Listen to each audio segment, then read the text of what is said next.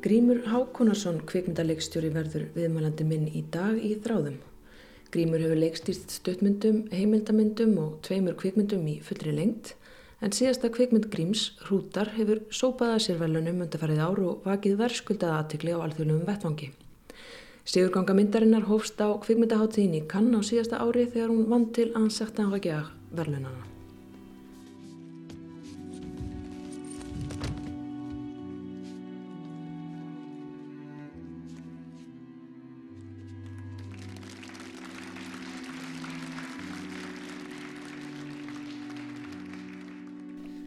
Nú hefur orðið til svona, má segja, nýtt hugtak íslenska kvikmyndasumarið. Hefur þú einhverja útskýringu á því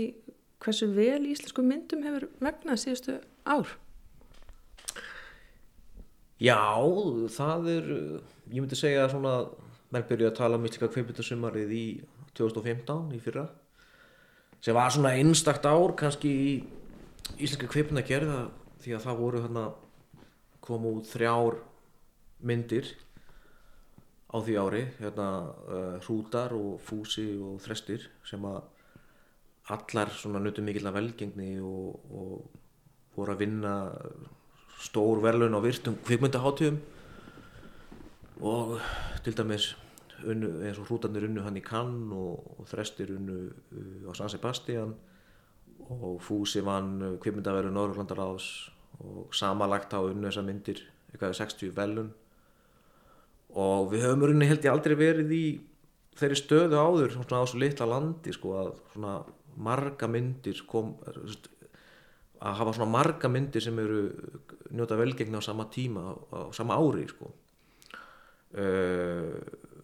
Þannig að hérna það á vel við sko þetta, þetta það var áður að tala um íslenska kveimunda vorið og, og nú er talað um íslenska kveimunda sumarið og ég hef gegnum mín ferðalög með rúta sko að það er mjög mikið eftir þessu tekið og það er allir bladamenn sko að spyrja þessar spurningar þú veist hvað hver er galdurinn og hvað er í gangi og það er verið að tala um veist, íslensku nýbylgjuna og, og, og ég hef talað við sem sagt hvipnandi gera menn sem eru til dæmis að fjármanna myndi núna fyrir þetta ár eru kannski að fara í tökur á þessu ári og, og þetta hjálpar þú veist öllum öðrum myndum líka skilur. Já, þú segir að Erlendis sé mikið tekið eftir þessu mun, mun þetta hjálpa til með að fá fjármögnun Erlendis frá?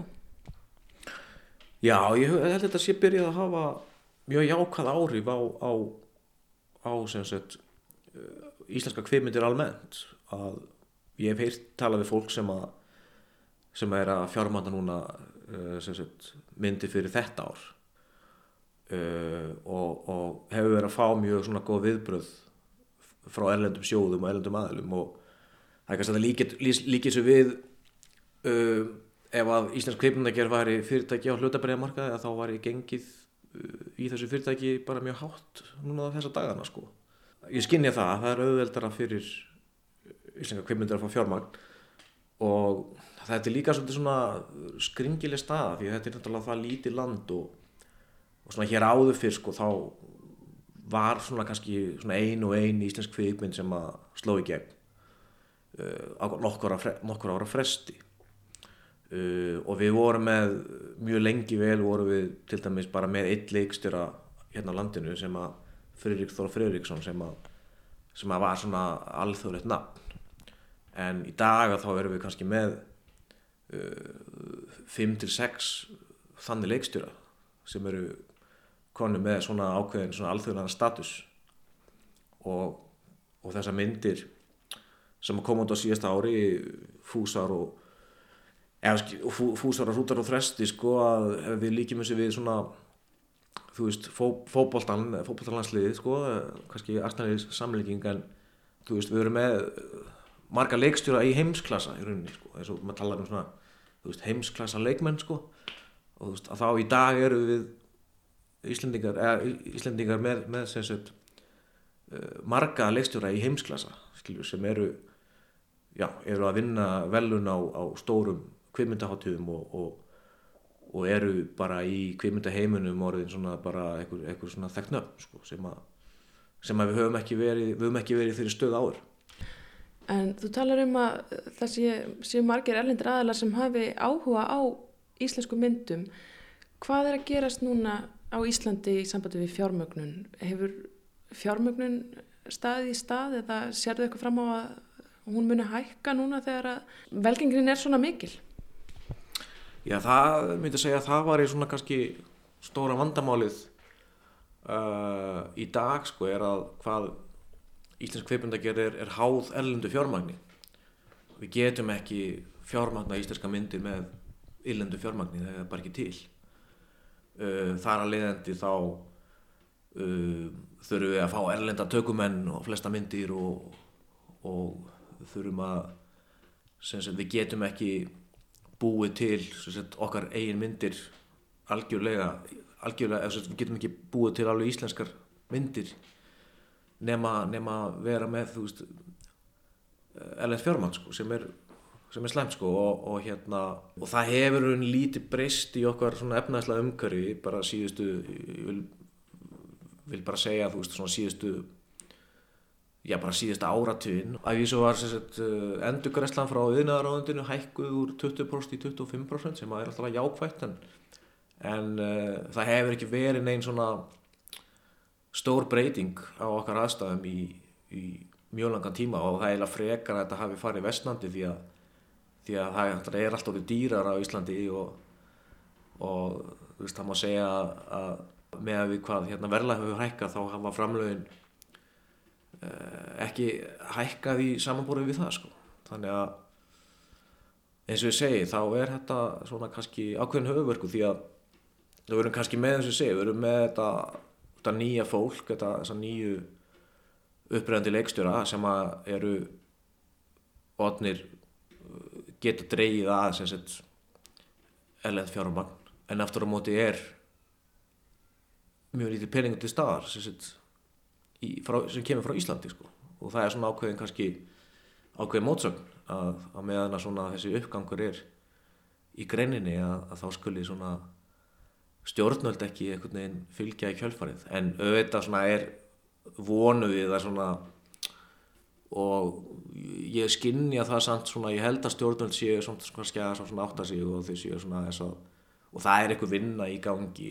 skils mér að á baku tjöldina svona að reyna að hækka þessi framlög. En, en já þetta er svona ákveði vandamál og hættan er náttúrulega svo að sko ég ætlum ekki að fara að gera eins og þú veist stórfyrirtækina þú veist að eða þegar á að hækka einhverja skatta á þau að flýju landi eða þannig en, en já hættan er kannski svo að, að hérna allir þessir hérna stóru fiskar sem eru í þessar litlu tjörn sko þeir bara fari erlendis ef að fjárframlegin eru svona lítil sko Svo við fyrum kannski aðeins dýbra inn í þetta máli í sambandi við þessar hækkanir og kannski sérstaklega þessa hækkun frá innæðaráðnætinu úr 20% í 25% endurgjald af framleyslukostnaði. Þessi hækkun á einni við um erlendar framleyslur þá meina ég þær sem koma hér og nýta vinnu að blú landi til þess að taka upp þessar stóru bíómyndir, sjónastætti eða, eða auglýsingar. Það er auðvitað jákvægt að fá allar þessar erlendu framleyslur til landsins en kemur kannski svolítið niður á framleyslu sér íslenskra mynda ef við getum kallað það svoleiðis. Það er að segja þær sem eru að mestu fjármagnar hérna. Ég ætlaði bara að nefna að því ég hef heyrt innlenda framleitur hvart yfir því að, að það sé orði bæði erfitt og dýrt að ráða tökulið mun erfiðara en fyrir kannski nokkrum árum síðan. Ég hef alltaf séð sko þessar tvo kvipmyndaðina, þessi, þessi íslensku, íslenski kvipmyndaðina sem er að gera þessar íslensku myndir og svo þessi erlendu verkefni sem alveg mjög aðskilið mm. uh, uh, þetta er bara tver heimar runni uh, mér er kannski stjórnvöld svolítið stundum ekki skilja þetta sko ekki skilja þennan möun sko að, að, að þau halda ekki bara að þú veist sjá þetta sem einn yðnað sko þetta eru tveir mösmöndi yðnaðir og, og það þarf að styrkja þennan íslenska það, veist, það, það, sem liggur á sko, það er að styrkja þennan íslenska þina sko, og auðvitað er jákvægt að fá þessi ellendu verkefni og kannski sérstaklega bara fyrir tækni fólki til að, til að fólk þjálfist í að verði svona kannski uh, verði mér í fagumennska bara almennt í, í geirunum en, en uh, á hinbóin að þá þá hérna sagt, hætti stjórnlandun til að líta á þetta sem einhvern einn yðnað sko sem er, það er ekki Nei, þú veit þetta er að standa þig vel. Já, já. Og nú hérna við hliðina. Heldur þú getur nokkuð talað við hann? Þið eru bræður, eða ekki? Við Kitty tölum ekki saman.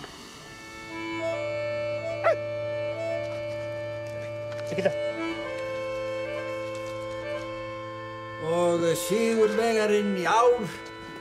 er Kristinn Böðvarsson með rútingsbrota.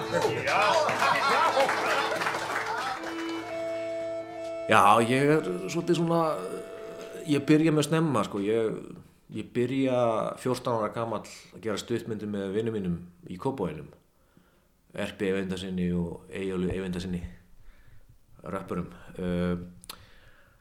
og uh, það er unni, ég var reynda að byrja að leika sem krakki, ég var skráður að leiklistanamskið þegar ég var 8 ára gamall. Uh, pappi svona hafi eitthvað trú að því að ég geti leikið. Og, um, og síðan fekk leiki í tveimur sýningum í þjóðleikúsinu þannig að ég fekk þessar leiklistarbakterju svolítið snemma. Uh, og síðan maður segja svona þegar að uh, þessar svona Waff-OS kamerur þessar svona þessar videokamerur svona koma markaðin svona 1990 og þá eignast ég þannig, já ég kaupi mér svona vel fyrir fermingapenningin og ég byrja að gera svona stuttmyndir svona low budget stuttmyndir bara með vinnum mínum. Og ég bara þjálfast smá saman upp á því og á einhverju tímapunkti þá skinnja ég að ég er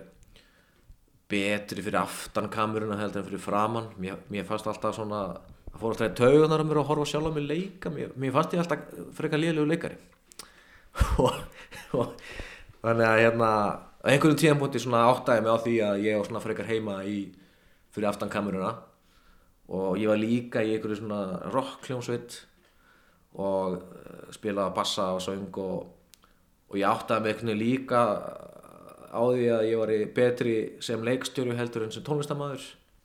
og ég hefði svona meiri kannski hæfileika þar. Og svo er ég bara þegar ég kem í mentaskóla uh, ég er á Kópóinum og ég fer í MH, mentaskólinni Hamralíð og, og ég man bara fyrsta dagi þegar ég mæti skóla og ég þekkt engan. Það er bara algjör utanbæða maður og þá man ég að sko þá grætti ég á því að, að ég komst hraðar inn í klíkuna inn í sem sagt inn, inn í sem sagt, sem sagt félag, félagsskapilana út af því að fólk hafi vissi, hafi séð eitthvað stuppminn sem ég hafi gert á okkur svona stuppmyndaháttíð þannig að þú veist, ég var bara þegar ég kem í MH úr kópáðunum þá einhvern veginn grætti ég á því að ég var svona svona kvikmyndagerða maður þannig að ég var bara strax í mentaskóla orðin einhver svona, komið með eitthvað svona einhverju ímynd sem að vera einhver svona kvikmyndagerða maður veist, og svo í mentaskólinu var ég, veist, í myndbandafélaginu og var að, gera stuðmyndir og þar kynnist ég í MH og þar kynnist ég Rúnari Rúnarsinni og við sagt byrjuðum að gera stuðmyndir saman og við gerum tvær stuðmyndir saman. Og Dagur Kári var reyndar líka í skólanum á sama tíma, hann er aðeins eldri þannig að sem er aldrei merkilegt að það eru þessi þrý leikstjóra sem að voru svo bítast um ettuna núna á síðast ári Já, ég og Rúnar gerðum hérna það er svona kannski fyrsta myndin sem að ég kem að sem að svona vakti aðtikli að það er uh, Closet menning uh, gerð 95 uh, mynd sem svo tekin upp í getum Closet. Þannig að þú ert að horfa raunni, já, bara eins og, eins og sérst bara, já, bara mynda vel ofan í Closetinu og tekur upp senur sem er gerast uh, og uh, svo mynd svona, já, vakti aðtikli og fór á einhverjar erlendar hátir og, og svona, já, og var svona ákveðið svona uh, við rúnar báðir eftir að hafa gert það mynd að þá svona, þú veist, fenguðu svona meira sjálfströst og, þú veist, ákvaðum að, þú veist, halda áfram og Það er fróðlegt og skemmtilegt að heyra þetta því að síðan ferð þú til Tjekklands í kvikmyndanám og ef ég mann rétt að þá fjallar fyrsta svona stuttmyndiðin sem að varði vinsæl, Slavek the Shit, fjallar einmitt um Closet eða Closet, mann sem vinnur á svona almenningssalurni. Já, akkurat, akkurat. Einmitt og ég, svona, ég man að uh, ég fekk svona viðnefnið sko, svona íslenski John Waters í kjölfarið að sagt þegar ég gerði svona sem sagt klósett myndum og tvö og ég hef reyndar verið með sko í mörgum myndum hef ég verið með eitthvað svona klósett atrið eftir það. En uh, ég vil nú meina svona ég hef sér svona þetta með fyrir eitthvað skýrast kannski á að ég er svona ég er hrifin af svona sögum eða, eða personum sem að eru á jæðrinum uh, eru svona utangars eða þú veist standa fyrir utan svona normið uh, og ég er eins og í hrútum og þá eru þá er ég að fjallum tvo uh, piparsvæna sem að bú í sveit með kindónu sínum. Og eru, eru svona líka utan uh, jaðarpersonur þannig að ég myndi segja að þetta væri svona einhver tendens hjá mér að uh, að gera myndir um, um svona jaðar málefni Nú bara spyrjaði um hrúta þar sem þú skrifar sjálfur handritið. Hvernig dattir þetta í hug? Já, það sko myndi segja svona uh, fyrsta fyrsti kvatin að hrútum var að gera mynd í sveit uh, og nýta mig þá þekkingu sem ég hafði úr sveitinni frá því ég var krakki og, og ég er svona ég er svona alveg upp í sveit aldrei var í sveit á sömurinn og svo fólkdrar minn er úr sveit og ég gerði hérna mynd sem heit Bræðrapilta sem fjallaði um tvo samkynnaða glímumenn. Og hún kom mjög vel út og ég, svona, ég fann mig svolítið vel bara í því verkefni. Og, og svo er ég náttúrulega þetta er bara alltaf þannig, maður er bara að leita hugmyndum.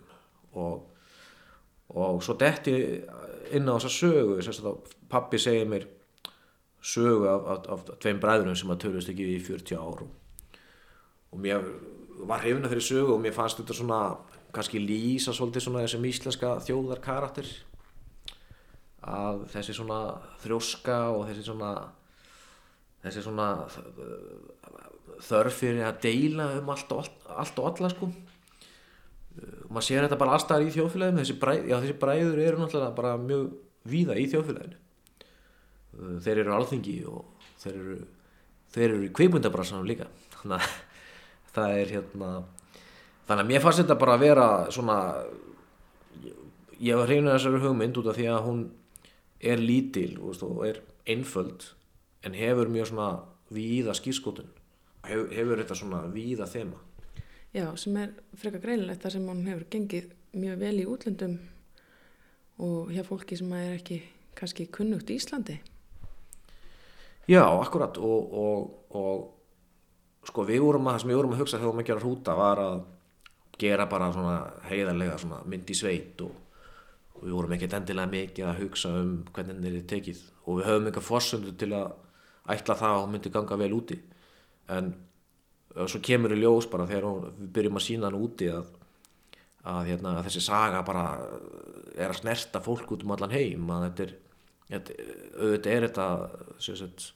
svona erjur innar fjölskyld, fjölskyldna eru náttúrulega bara aðfjörðut fyrirbæri og sam, sammannlegt fyrirbæri og, og mjög margi sem að ég hef talað við sem hafa séð myndina úti hafa lendi ykkur svipu eða, eða þekki, þekki svipaða sögur. Ég er í mjög skemmtilega sögu ég verði að segja hana frá ískri konu. Það er svona íska útgáðan af hrútum. Það voru tveir bræður sem að ráku saman svona pub í ykkur þorpi á Írlandi eru lengur síðan. Og, og þeir sagt, hætti að tala saman og þeir lendi það var eitthvað út af fjár, fjármálum. En þeir held að að reyka pubin í sama húsi en það voru bara með tvo bari. Þannig að í, voru í sama rýmunu með tvo bari og, og sumt fólk sem sagt var bara í öðrum helmingi húsins og, og sumt fólk var í hinum helmingnum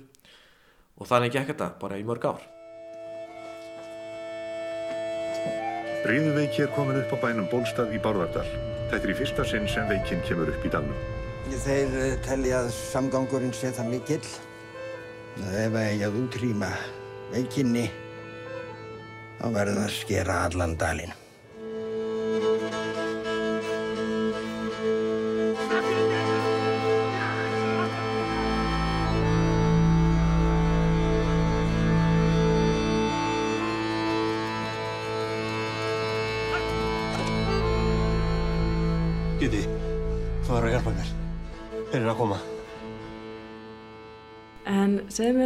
Að því að ég veit að leikararnir fengur mikla aðtykli og þeir unnu báðir eddu, til edduveluna fyrir hlutverk sín og hafa verið að kynna myndina með þér. Varstu með þá í huga frá upphafi þar að segja Theodor Júliusson og uh, Sigur Sigjónsson? Já, ég held ég hafi nú svona uh, ég held ég hafi verið með tetta í huga svona mjög snemma uh, en uh, það tók mér svolítið svona kannski tíma svona að finna leikara í, í hlutverk gumma. En, uh, en ég fór ekkert í eitthvað, einhverja pröfur, ég fekk aldrei í pröfur sko, þannig sko. En ég er svona þetta er líka að hlutverki þannig að ég, ég var að velta fleirum nöfnum fyrir mér í það hlutverk. Uh, og en á endanum þá ákvæði ég að fá sigga og, og hérna sé ekki eftir því og, og það er alveg ununa, voru unun að vinna með þessum leikurum. Þeir eru náttúrulega að sko ég held að hjálpi mjög mikið að þeir eru alveg réttir í þessi hlutverk að, að þeir, þeir hérna eru mjög ólíkir Siggi og, og, og, og Tetti þeir eru með bara já, mjög ólíka típur og hérna og bræðunir eru það líka og það hjálpaði líka til að, að, að til að láta það líti út eins og bræður að, að skeggið hjálpaði mikið til út af því að án skeggsins að þá lítaður ekkert sérstaklega mikið útröðara bræður en með skegginu þá lítaður mjög eins og bræður og hérna og margir hafa einmitt sérstaklega útlendingar hafa talað um sem að fólk sem þekkir og ekki að það er stundum að ruggla þeim saman þeir finnst það líkir og þeir komuðu náttúrulega fyrst og síðan hinn er leikarinn í myndinni í svona tókmil lengur tíma þá. Þú varst að vinna í fyrsta skipti með Grímari Jónssoni sem er framlegandin þinn og þú ert að vinna aftur með þessum saman framleganda að næstu mynd var það alveg sjálfgefið eða, eða er auðveldar að ákveða að vinna með grímara þegar það gekk svona vel núna síðast? Já, það gekk rosalega vel og, og,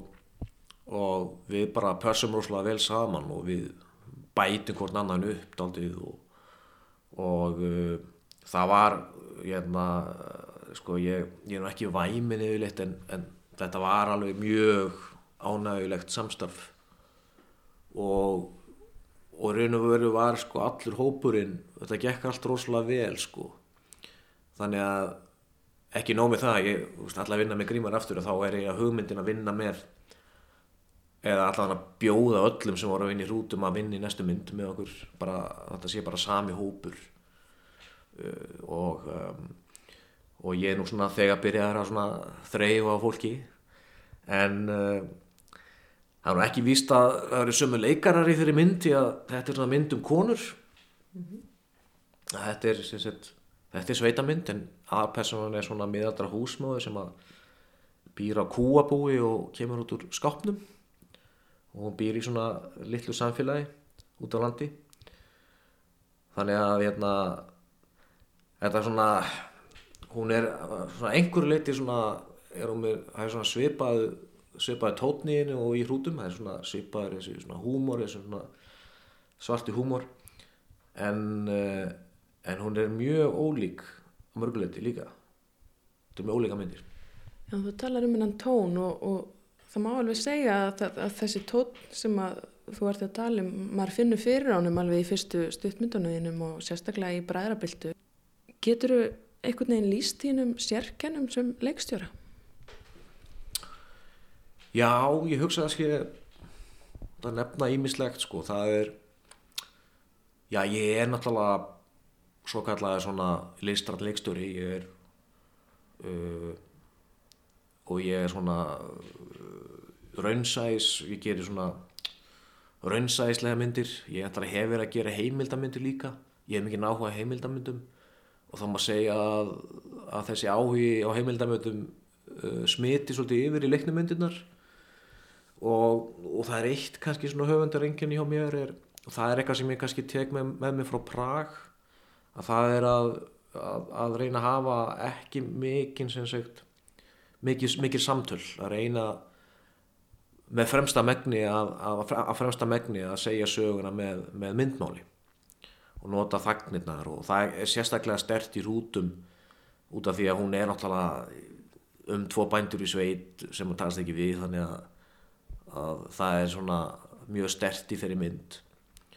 Og um, og þetta eru kannski og önnur kannski höfundarengin hjá mér er er um, já það er þessi, það er þessi húmor uh, sem er svona undirliggjandi. Uh, það er það er erfitt að skilgreina kannski nákvæmlega eins og með hrúta það er erfitt að skilgreina hvaða flokki hún tilerir eða genre, það það er hún er einhver stóra milli þess að vera komísk og tragísk og, og jafnvel jafnvel sem sett uh, thriller. Uh, og hérna og ég er svona ég leitast alltaf við að ég er forðast klísjur, ég er svona leitast alltaf við að reyna að finna einhverja leiðir til þess að segja sögur einhvern veginn aðeins kannski óhöfnböndan hátt sko. Þú veist, til dæmis loka atrið í rútum eða endurinn á rútum er það er ekkit það er mikið af fólki sem að til dæmis uh, er ekki að ná honum skilur, en það er náttúrulega einhver leitir endurinn á rútum það er svona tilrun til þess að svona aðeins að svona gera eitthvað nýtt sko. Þannig að ég hef ákveðna þörf fyrir að uh, fara svona aðeins óhaupunda leiðir. En samt er ég náttúrulega algjör í raun og veru algjör svona sveita kall og algjör svona, algjör, algjör svona klassískur sögum að þannig sko. En já ég veit ekki. Það er er eitthvað skilgjörna sjálfa sig en, en, en svo er uh, svo er eitt annað að það er hérna að ég myndi segja líka að ég væri kannski svona pólitískur leikstjóri þó að kannski hrútar er ekki kannski beinlindis kannski með pólitísk mynd sko en, en nýja myndin nýja myndin hér aðeins hún verður svona svolítið pólitísk og ég er svona, ég myndi segja að þú veist að uh, þú veist, það hugsanlega verði meiri pólitík í mínu myndum framvegis Já, það hefur nú svo sem verið pólitík í þínu myndum og þá kannski sérstaklega heimildamyndunum þínum og mér nokkar kannski aðeins að ræða um þær að því að þú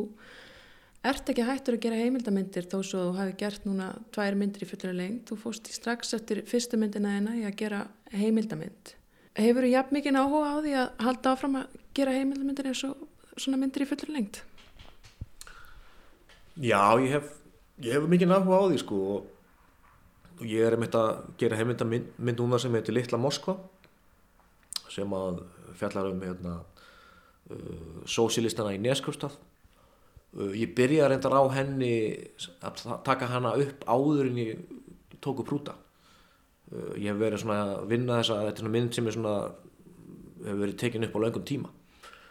Auðvitað náttúrulega sko út af sko velgegnir hrúta þá náttúrulega er að sjálfsögðu Uh, ég kannski er að fókusera aðeins meira á leiknamyndi núna út af því að hrútar hefur gengið það vel og, og hrútar er náttúrulega opnar svona á hverjum tækifari fyrir mig að gera fleiri leiknamyndir uh, þannig að það er svona, svona kannski uh, það er kannski svona rökriðt kannski hjá mér að, að nýta það tækifari og, og út af því að það verið að bjóða mér að gera leiknarmyndir til dæmis á ennsku og svo leiðis þannig að það er maður svona kannski í augnablikinu kannski áhugin meira á leiknumyndum En hver er þín afstæða í sambandi við það? Að þú hefur alltaf skrifað þína myndir sjálfur og þú segist vera að fá handrit sem er á ennsku hvernig leggst það í þig að hugsanlega fara að gera eitthvað sem þú hefur ekki átt frá upphafi? Já, ég er svona ég segi ofta sko, ég er að ég er að ámar sammeðlegt með bræðrunum í hrútum að ég er svolítið þrjóskur að eðlisfari og, og ég vil svona einhvern veginn að vera sjálfstæður og ég er svona daldið bjartur í sumar ásum sko, ég vil helst gera mína eigi myndir og, og ég hef sko, ég hef ég loka, sko, ég hinga til hef ég ekki lesið eina bók eða, eða lesið eitthvað handrit eftir einhvern annan sem að mér langar að gera myndum Uh, en það er ekki þar með sett að það að það breytist ekki að, að, og ég er að ég hef verið að lesa handrit á ennsku sem hefur verið bóðið og ég hef ekki fundið neitt og, og ég er að prófa núna, ég er að láta reyna það núna að sagt þróa kvikmyndahandrit á ennsku eftir minni eigin hugmynd í samstarfi við handrisöfund og það er algjöru frumstíð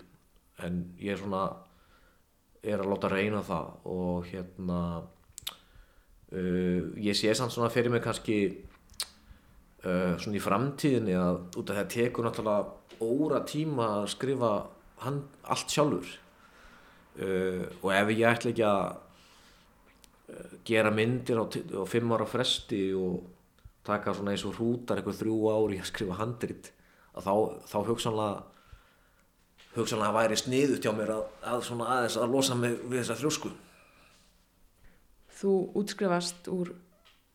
virtum kvikmyndaskóli í Tjekklandi sem heitir FAMU uh, árið 2004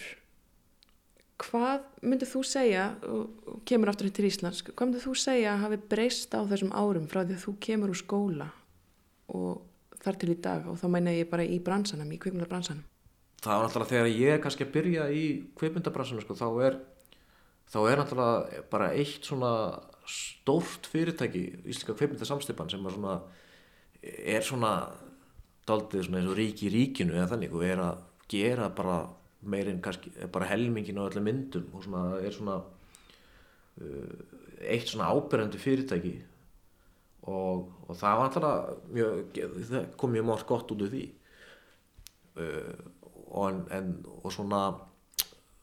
í dag er eftir á móti svona, ég myndi segja að það var rosalega mikið að það er mjög, mjög, svona lit, mikið að litlum fyrirtækjum og svona sprota fyrirtækjum og,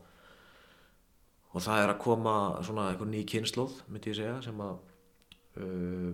sem er að hérna uh, búið til myndir og, og, og, hérna þú þarft náttúrulega ekki svona í dag að veist, tækninni það er alltaf smækka og þú getur verið að framleiða bara bíómynd bara í sófanum heima þér einhvern veginn. Uh, þetta, þetta er, er svona kannski uh, og, og tæknin svo, tæknin hefur líka að við leiti þú veist þessar myndavelar er, alltaf að minka og, og, og, og, hérna allur búnaður og sluðis uh, þannig að hérna það er ekki sem ég segi, þú veist, filman þú veist, ég var að taka filmu í Prag í kvipnaskólanum ég tók tvær stuttmyndir á filmu. Hún er orðin úrelt þannig að það er svona, já, það er þessi þessar, þessar tæknibildingar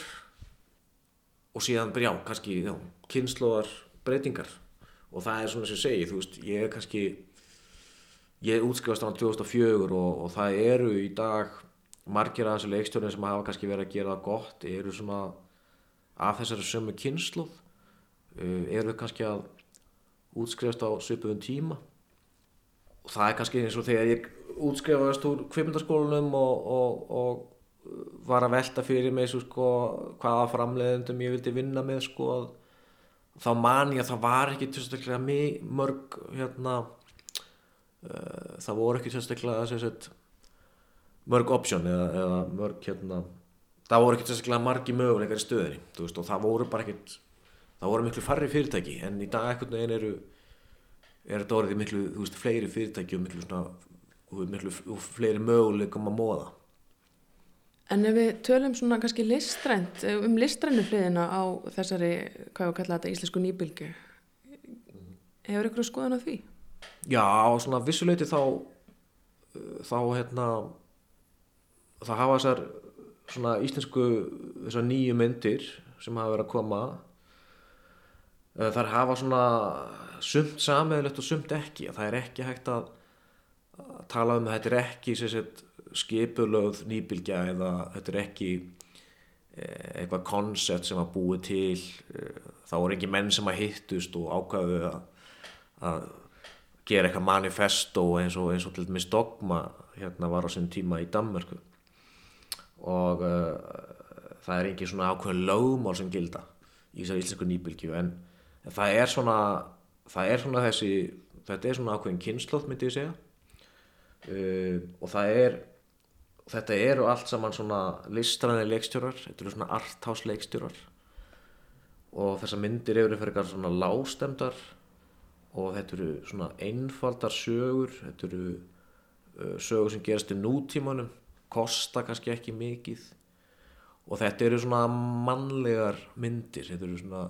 myndir um vennilegt fólk á Íslandi. Uh, og svo eru uh, ég meina ég til dæmis uh, ég myndi segja að þú veist að til dæmis tökustílinn minn er mjög líkur tökustílnum hans Rúnars Rúnarssonar til dæmis. Uh, og húmórin í myndunum mínum er kannski svolítið líkur húmórunum hans dagskára.